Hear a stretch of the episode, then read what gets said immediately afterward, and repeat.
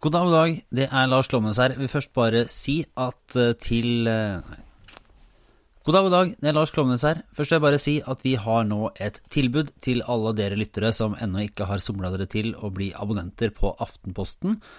Det er eh, spesielt godt nettopp for dere som lytter til oss. Så da kan dere få ti uker digitaltilgang for ti kroner hvis du går på ap.no slash sommertilbud altså ap.no slash sommertilbud. Et fantastisk godt tilbud.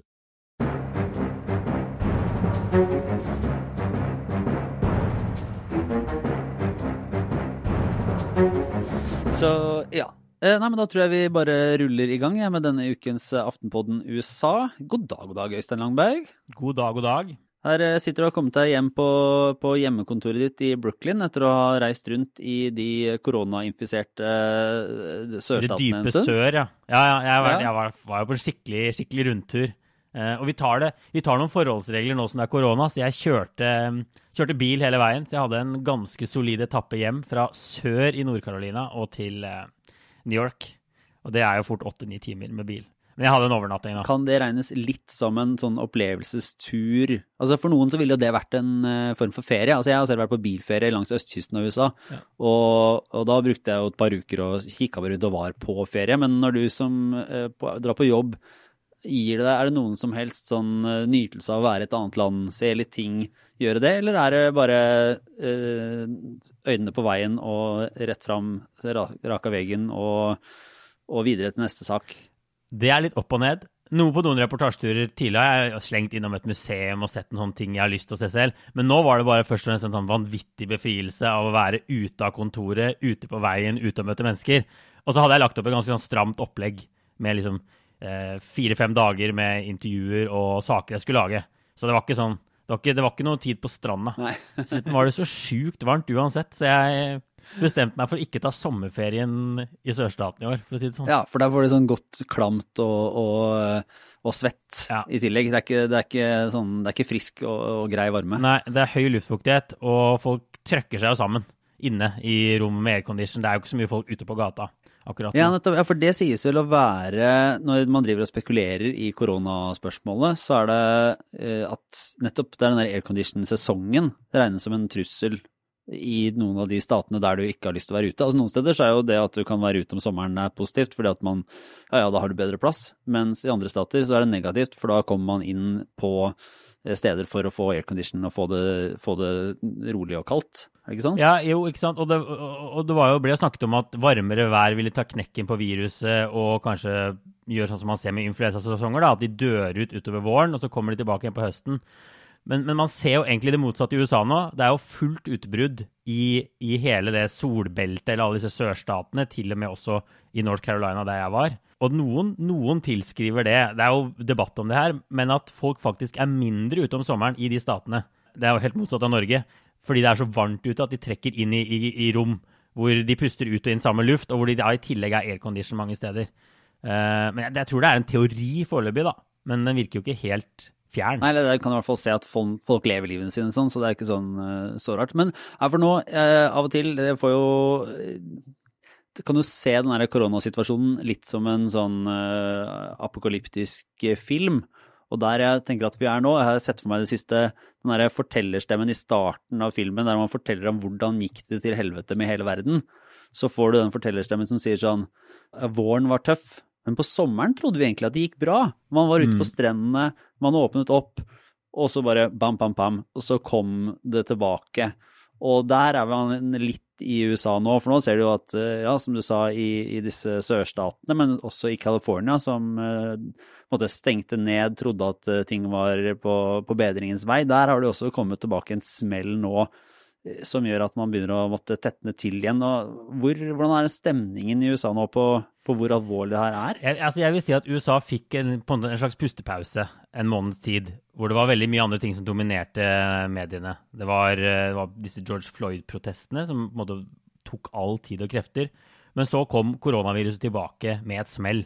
Og nå er det på en måte korona for for alle penga igjen. Og så er det en debatt er det, er det en bølge to, eller er det bare fortsettelsen av bølge én? Jeg tror eh, han Fauci, som jo etter hvert har blitt en, en kjent person, helserådgiver i Trump-administrasjonen, han, han, snakker jo om at er, altså, bølge én blir aldri, aldri, slutt. Og nå ser vi bare at vi det, ja, Smitten fortsatte å spre seg. Vi åpna opp, og så bare kommer det en ja, bølge én blusser opp igjen. da.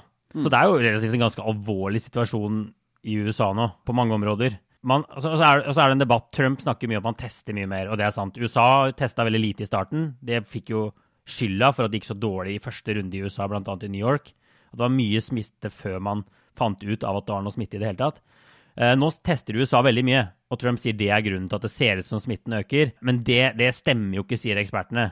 Du, du, du, kan mm. måle det, du kan ta høyde for at det testes mer, og likevel så ser man at smitten øker. Andelen tester som kommer tilbake positive, øker. Og kanskje det beste målet er jo hvor mange som ligger på sykehus. Og der ser man jo, for det går på en måte ikke an å manipulere så mye med, da. Uh, og der øker det ganske kraftig. Særlig i mange stater i sør så er det jo rekordmange som nå ligger på sykehus. Og noen stater har nådd kapasitetstaket, nesten. Ja, for det, det, lurte jeg på. I, I, New York uh, så var det jo sånn, da, da fikk man jo på en måte dekninga av hvordan sykehusene var på bristepunktet. Det var stadig reportasjen om sykepleiere og leger som sto ja, Det var litt samme som det var i, i Nord-Italia. Mm. Folk var svette og slitne og holdt på. Uh, men er det altså, Det ser man jo ikke i like stor grad nå fra andre amerikanske byer, men er det litt fordi at mediene og, og folk er eh, bare slitne av det, at de ikke forteller de historiene på nytt? Eller er det ikke fullt så ille aller, liksom, eh, ennå? Nei, Det kommer an på hvem man spør. Og, og, akkurat nå så begynner disse første sakene egentlig å komme om at taket er nådd, og at man begynner å liksom, gå tom for, for, sengeplasser i noen stater. Så det kan hende man bare er tidligere i det utbruddet. For foreløpig så peker jo pilene liksom nærmest rett til værs. Uh, man, er, mm. man, er, ikke på toppen av utbruddet. Alle spør seg liksom, hvor stor blir bølgen denne gangen. Så det er fullt mulig at man om en uke har akkurat de, de sakene der fra Florida, Arizona, uh, fra Texas. Det er litt tidlig å si.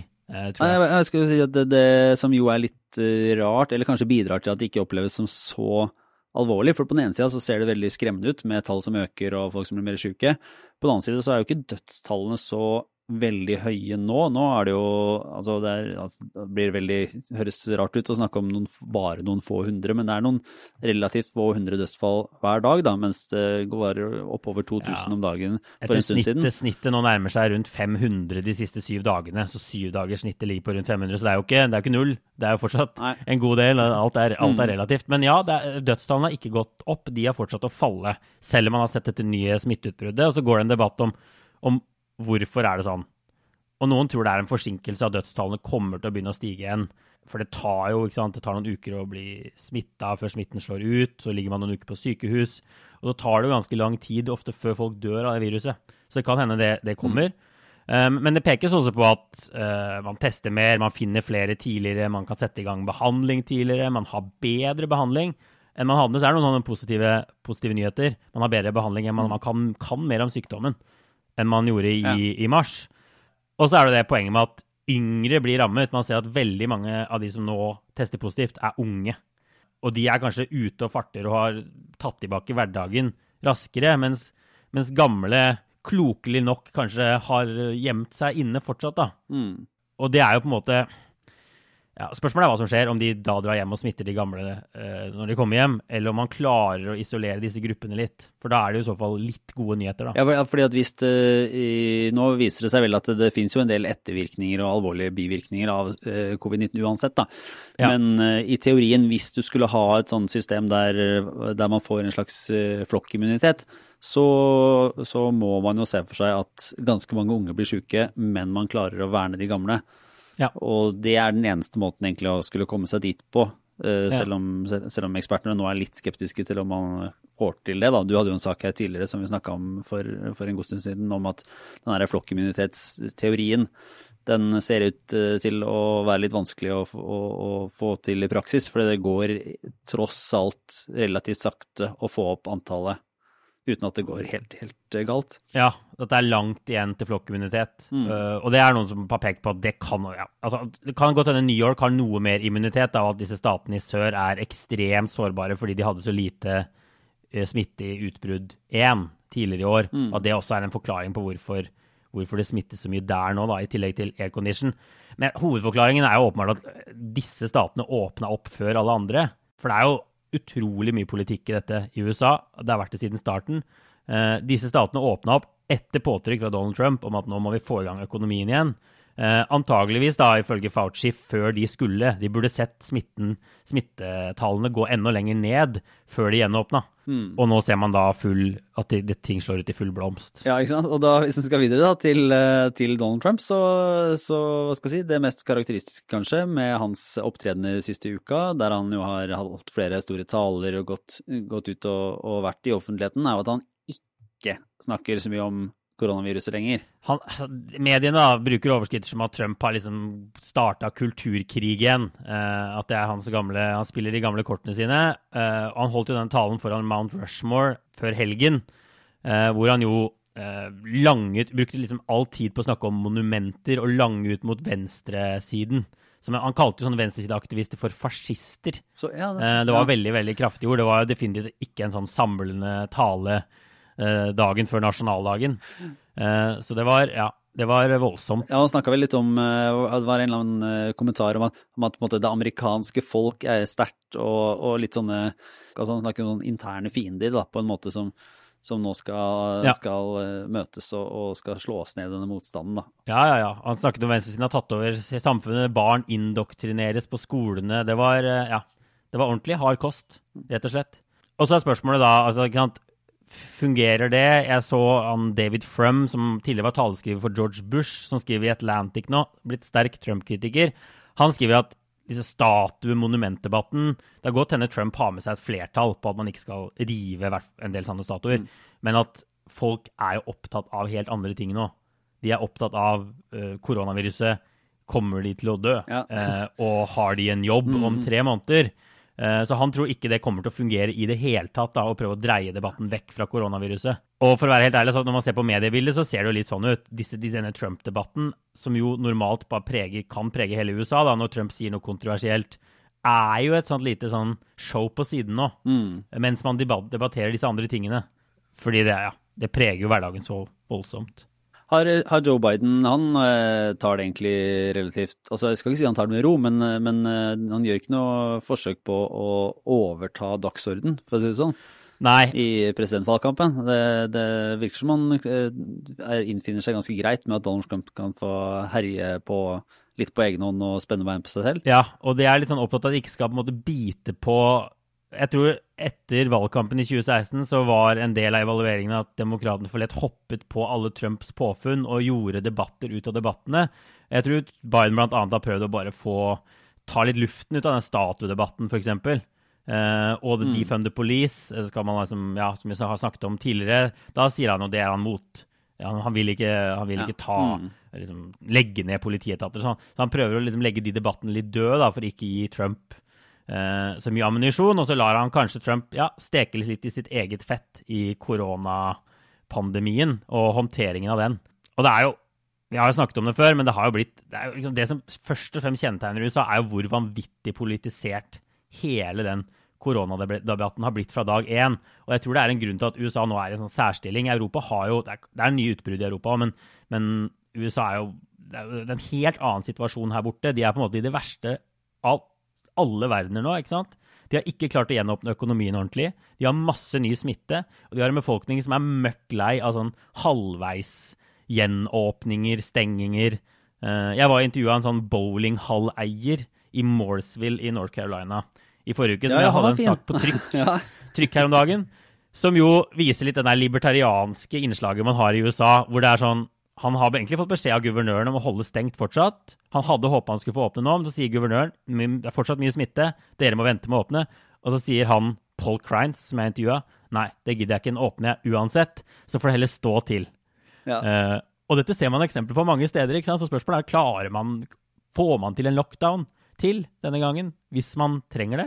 Er det, nå, det, vet, det, er kanskje vanskelig å svare på, men er det i første runden så hadde jo, selv om Donald Trump var eh, upopulær eh, og, og kanskje ikke fikk til å være en sånn samlende figur, da, så var det jo en del av disse guvernørene og, og lokale myndighetene som fikk økt troverdighet og, eh, og mye støtte. Har det endra seg noe nå, etter at det blusser litt opp igjen, og det kanskje viser seg at, at ting ikke gikk så bra som man hadde håpa, eller er det, an, jevnt over andre stater der de problemene oppstår? Nei, altså, Jeg tror f.eks. at uh, New Yorks guvernør fortsatt er ganske populær nå. For nå er jo på en måte stemningen i New York at nå gjenåpner vi, vi har fått kontroll, vi er litt sånn som europeiske land. Vi holdt Mm. stengt så lenge vi trengte, eh, og nå kan man gjenåpne. Men man er forsiktig, da. Man skulle egentlig åpne restauranter, innendørsservering på restauranter i New York, men man droppa det pga. dette utbruddet i sør. Men, men det som er interessant å se, er jo at f.eks. masker, altså eh, ansiktsmasker, munnbind, ble jo veldig politisert i USA. Uh, USAs president har jo fortsatt uh, Vel ikke, Han sier at han har brukt det noen ganger, men han har vel knapt vært sett med munnbind, tror jeg. Nå sier han vel at han syns det er helt greit at folk går med det, men, men det er ikke noe sånn lederskap på munnbind. Men nå har jo masse Mm. republikanske guvernører i sør sagt innført munnbindforbud. Forbud. Så, så, og, og, så det gjør jo debatten litt mer, litt mer nyansert, da. Eh, da går det jo litt sånn opp mot sin egen president, og så man ser at republikanere nå omfavner noen av disse tingene. Og det var jo særlig demokratiske stater som ble ramma første gangen. Og nå er det jo republikanske stater som blir ramma. Eh, og det kan hende det er litt sunnere for den politiske debatten at det er Trumps eget parti som nå må stenge ned da, for å få kontroll over smitten. Ja, jeg liker tanken på at Donald Trump sånn, for seg sjøl, inne på Det hvite hus eller hvor det måtte være, går rundt med munnbind.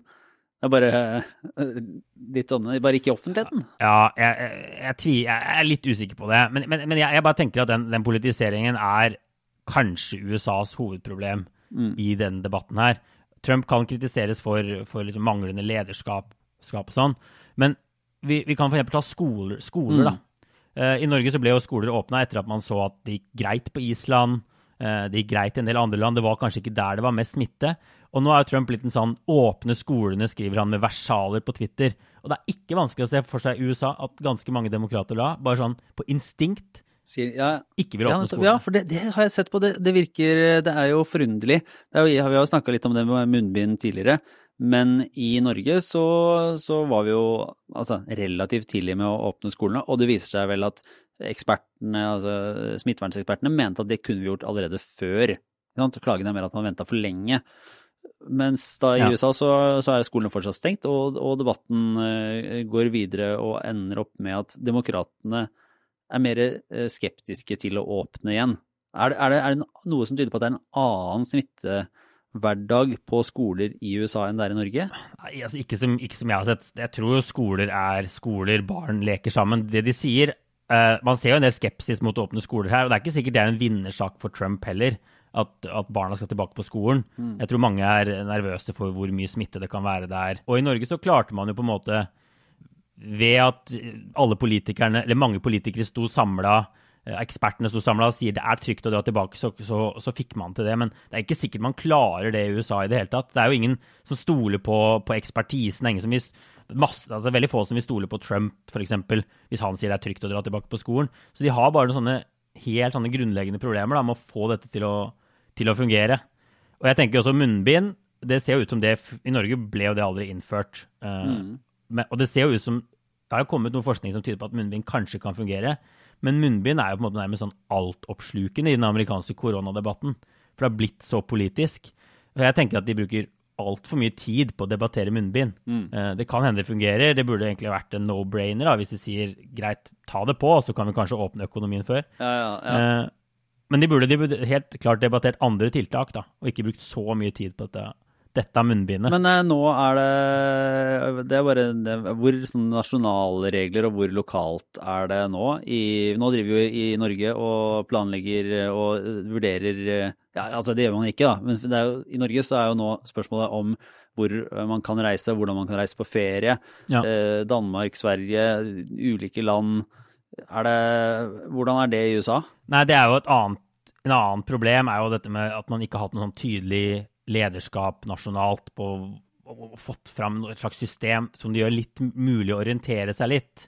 Uh, New York har jo egentlig innført noen karantene for stater i sør nå, f.eks., som tas av og på en sånn liste. Uh, og jeg og kona mi skal jo på sommerferie, ikke til sørstater, men til New England, altså nordøst for New York. For der er det forhåpentligvis litt mer sånn pustbar temperatur. Og der er det et virvar av regler som er nesten helt umulig å forstå og sette seg inn i. Eh, og jeg har bare sjekket én av statene vi vurderte å dra til, da, var Vermont, en av de minste statene i USA. Og de tillater noe innreise nå. Først var det egentlig stengt for alle. Men, men, men, men reglene er altså sånn at hvis du er fra en kommune med mindre enn 400 aktive covid-tilfeller per million, eh, og du kan kjøre hjemmefra og rett dit, så kan du komme inn uten karantene til Vermont. Hvis du er i en sånn kommune med mer smitte enn det, du må finne ut hvor mye smitte er i kommunen, så må du være i karantene hjemme i 14 dager. Eller du kan reise til Vermont, være i karantene i sju dager, og så avlegge en negativ covid-test. For et eh, landskap. Hvis du tror det er hele lista, Ja. så er det ikke det. For hvis du er fra en stat vest for Ohio, så gjelder ingen av de reglene her. Du må være 14 dager i karantene uansett. Én stat. Ja, det var én stat. Det er den ene. Så, og, og spørsmålet om du kan kjøre rett dit, det er altså sånn Ja, hvor langt kan du kjøre? Nei, det, det spørs jo det, da. Da kan du ikke stoppe og fylle bensin eller gå på do, eller hva er, hva er grensa? er litt uklart. litt uklart. Du må kanskje få lov til å gå på do, tenker jeg. Jeg, vet ikke. Det er, det, dette, dette er jo noe av problemet med å få oversikt, og gjør sikkert at en god del folk bare, bare gir opp, da. Så vi får, ja, vi får se hva vi, hva vi satser på i sommer. Eh, vi får fortsette med en liten runde obligatorisk refleksjon her, Øystein. Jeg vet ikke om du vil begynne å sparke oss i gang? Hva er det du går og, og tenker på her, annet enn ferieplanene dine? Ja, altså, jeg, først bare en bitte liten ting. da. Jeg burde, det nærmer seg snart innholdsmarkedsføring for den Hamilton-musikalen, som jeg er så glad i. Men nå har den kommet på TV, på film i USA, eh, over et år før tiden pga. koronaviruset. For den er jo nå ingen som får sett, fordi Broadway er stengt ut året. Og vel så det. Eh, men de, gjort, de gjorde et opptak tilbake i 2016 som nå ligger på, på Disney pluss, som jeg kan se her. Eh, og som folk kanskje Det er jo kanskje nordmenns mulighet til å få sett den. Jeg vet ikke når den kommer, kommer til Norge, og det finnes vel heller ikke Disney pluss i Norge eh, per nå, så vidt jeg vet. Men det er et tips når den kommer, da, å få sett den. Og da er jo, det er jo vesentlig billigere også kanskje å få sett den på en strømmetjeneste enn å betale 2000-3000 kroner per hode for å se den i New Ja, York. nettopp. For da er det, Så kan i hvert fall folk- se om Ja. de liker den. Uh, for da er det et opptak fra en forestilling. Det er rett og slett et opptak, men det er en produksjon. Så de har vært på scenen med kameraer. Ja. og Mhm. Det er liksom mer enn en som sitter i salen med et dårlig mobilkamera. og Det er bra lyd og sånn. Ja. Men min egentlige OR da, er en podkast fra 538 som vi snakker ganske mye om her. Et intervju egentlig med hun Claire Malone, som er en av liksom, de mest profilerte journalistene de har. Som har tatt et dypdykk ned i hvorfor det republikanske partiet er blitt et parti for hvite. Eh, hvorfor de har så dårlig appell blant, blant svarte og andre minoriteter.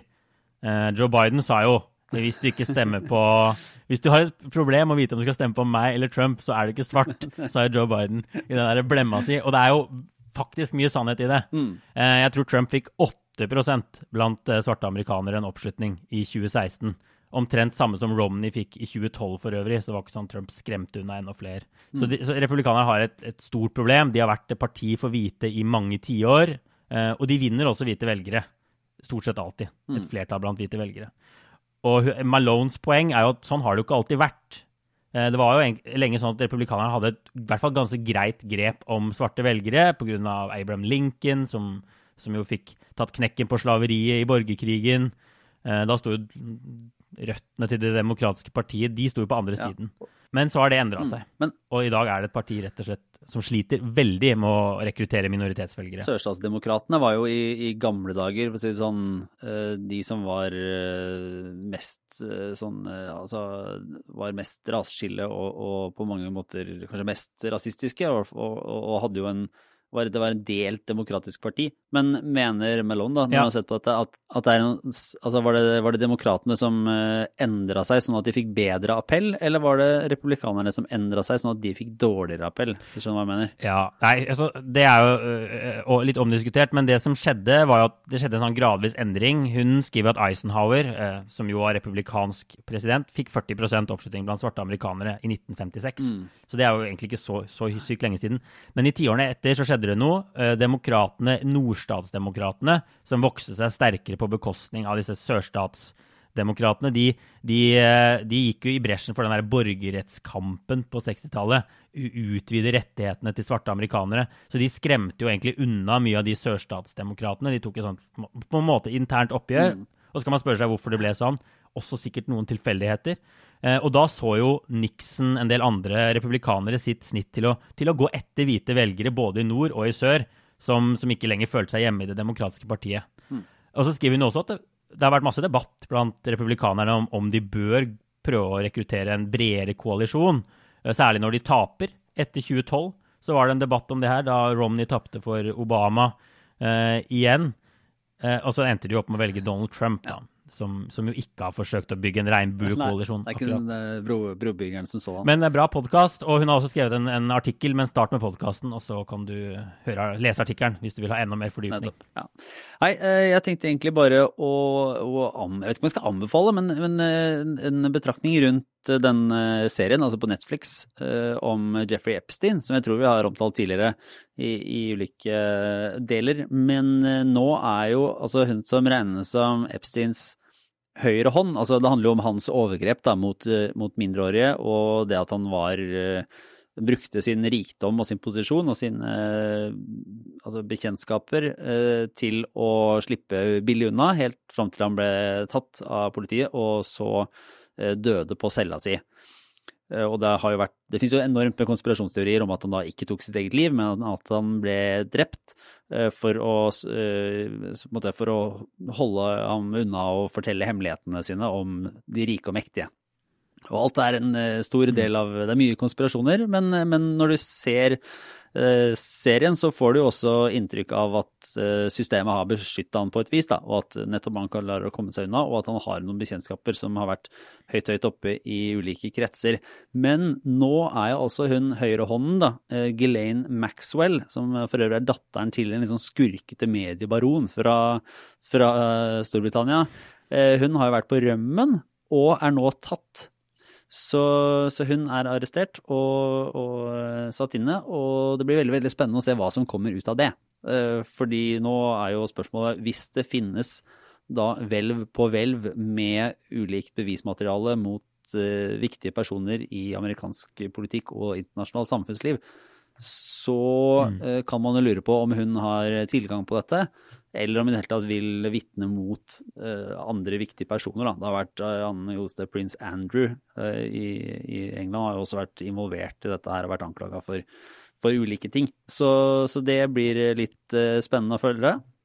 Og så var det en ja. liten tweet fra Alan Dershowitz, en sånn legendarisk forsvarsadvokat som forsvarte Jeffrey Epstein. Jeg bare nevne, som la ut en Ja, og var ja. jo, Han var jo kalt inn av Donald Trump også under riksrettssaken for å forsvare for å forsvare Trump. Ja, nettopp. Eh, et nøkkelvitne Eller nøkkelvitne var det ikke, men han var sånn eh, sakkyndig, i hvert fall. Ja, som, eh, som, er med i, i serien som ja, bortimot verdens mest kyniske forsvarsadvokat. Selv om han jo har noen prinsipielle ting der som han kan, kan, støtte seg litt på. Men han la ut en tweet som var omtrent sånn at ja, nå håper jeg at si, det har vært, rykt, det har liksom vært rykta at Jeffrey Epstein har eh, filma alt mulig rart snusk som har foregått på, i huset hans. Eh, og det håper jeg han har gjort, for da vil de se at jeg ikke er på noen av de videoene. Og mente det var, det var hans mulighet til å bli renvaska fra, fra anklagen om at han har vært involvert i det her, også mer direkte for dette snusket. Men uh, ja, ja. Den... tabloidene er borte godter seg jo i denne saken. og de, Han var jo på en sånn liste over sånn, ja, 10-15 kjendiser med bilder av hvor det sto liksom om knytt, hvordan de er knytta til Epstein, og hvilke rykter som går i dem og sånn. Ja. Så han er vel nervøs for å bli liksom tr trukket inn i den suppa der. Altså, det blir utrolig interessant. Det kan jo potensielt bli en bombe hvis hun har ting og begynner å snakke. Ja, ikke minst fordi Epstein og Donald Trump har hatt et uh, jeg vet ikke om jeg skal si hvor nært forhold de har hatt, men det har vært også i den eh, utvida sirkelen da, til, til, Epstein. Så den, ja, det må bare følge litt med og se hva som, hva som skjer. Ja, ja, hvor det er både demokrater og, hvor demokrater og republikanere. I høyeste grad. I høyeste grad. Eh, nei, men jeg tror vi var i mål for denne gang, Øystein. Eh, takk for at du uh, er med. Skal vi oppfordre til uh, å sende inn flere spørsmål? Vi går vel for en spørsmålsepisode? Det er veldig, ja, det er helt riktig. Det husker vi. Det er enten på Facebook-sida eller på, på e-post. Eh, Lars at aftenposten.no. Så kan man sende inn spørsmål som, som vi da prøver å besvare. Eh, det kan vel fort hende at det er neste uke at vi gjør noe sånt. Men eh, vi har fått inn en del allerede. Men vi tar gjerne mot flere. Så prøver vi å, å løpe gjennom det og få det til som, som best vi kan. Som de USA-ekspertene vi er, Øystein. Ja, kan hende vi må få kalle, for, for, kalle inn forsterkninger til denne episoden. Ja, ja, ja. Vi får se. Ja, men eh, Det er supert. Eh, takk for, eh, takk for nå. Du får ha fortsatt god sommerdag borti 30 graders New York. Så skal jeg nyte dagen i 11 graders Oslo. Ha det bra.